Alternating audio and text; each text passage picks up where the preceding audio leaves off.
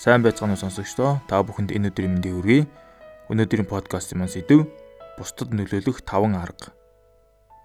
Энгийнээр авч үзэхэд нөлөөлөл гэдэг нь тухайн хүнийг эсвэл хүмүүсийг тодорхой зорилгын хүрээнд хүсэж байгаа үйлдэлээ хийлгэх гэсэн үг.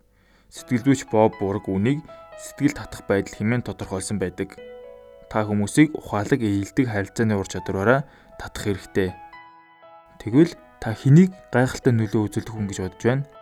Бид энэ төрлийн хүмүүсийг улс төр, бизнес, телевиз, шашин шүтлэг, интернет гээд олон салбараас олж болно. Тэд хүмүүсийг өөртөө болон өөрсдийн санаандаа татаж чаддаг. Тэд хэрхэн үр дүнтэйгээр нөлөө үзүүлэх вэ гэдэг дээр анхаардаг учраас үнийг хийх чадвартай байдаг байна. Та бусад хүмүүст өөрсдийг нь болон таныг сайн сайхнаар мэдрэх мэдрэмжийг төрүүлж үр дүнд хүрч болно. Боб Бургийн тодорхойлсон дараах 5 алхамтай танилцъя.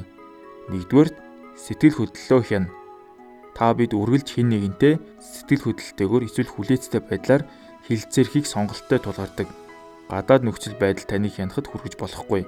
Сайн үр дүнд хүрэхин тулд та бусдыг тогтворгүй байдалд оруулах сэтгэл хөдлөл гаргахгүйгээр тайван байдлаар хариу үйлдэл үзүүлэх хэрэгтэй. Мөн бусдад өөрийн санаагаа нээлттэй илэрхийлэх боломжийг олгох хэрэгтэй.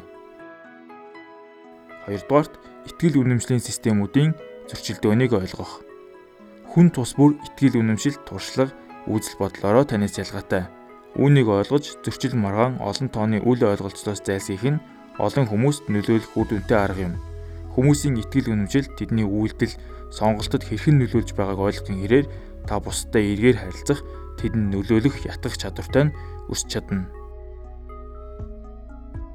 3 дугаарт тухайн хүний аминч үзлийг батдаг. Хүмүүс өөрсдийнхөө тухай сайн сайхнаар мэдрэхийг хүсдэг. Хэрвээ та хэн нэгэнд гайхалтай мэдрэмж төрүүлэхийг хүсэж байгаа бол тухайн хүнд ойртоход нэг алхам урагшлаа гэсэн үг. Бусдыг ичээх, сандаргах, эсвэл хуурч мэхлэх хэрэггүй. Мөн дээрэнгүй байх, шоолох, хошин яриаг ашиглахаас болгоомжил.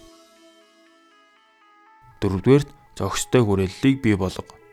Хүмүүс бусад хүмүүстэй харилцаж хариу үйлдэл үзүүлдэг. Сайхан сэтгэл, шийдэмгий байдал тус чанараас зөрчил маргаан үүсч болох ч нөгөө тал чинь үүнд нэгдэх болно.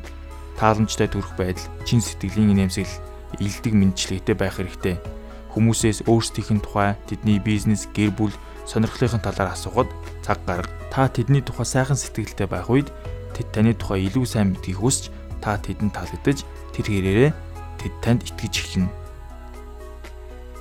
5 дугаарт бусдаа ухаалаг бөгөөд мэдрэмжтэй харилцах.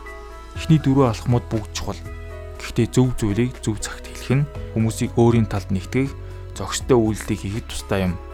Ярихаас өмнө хоолойгоо зас өөрөөсөө миний юун тухай ярих гэж байгааг болон ямар зүйлийн тухай ярих гэж байгааг тэр юу гэж бодох бол гэж асуух хэрэгтэй. Хүмүүстэй харилцах эдгээр ур чадварыг эзэмшснээр та ураг шахиж чадна. Хуурч мэхлэх эсвэл дарамт шахалтгүйгээр нөлөөлөхөд суралцах нь таны ажил амьдралыг илүү хөгжилтэй, стресс багтай, илүү үр ашигтай болгоно. Энэ хүрээд хэрэгтэй подкастын маань энэ удаагийн дугаар өндөрлөж байна. Та бүхэнд хэрэгтэй мэдээ мэдээлэл хүргэсэн байхаа гэж найдаж байна дараагийн дугаар хүртэл баяртай.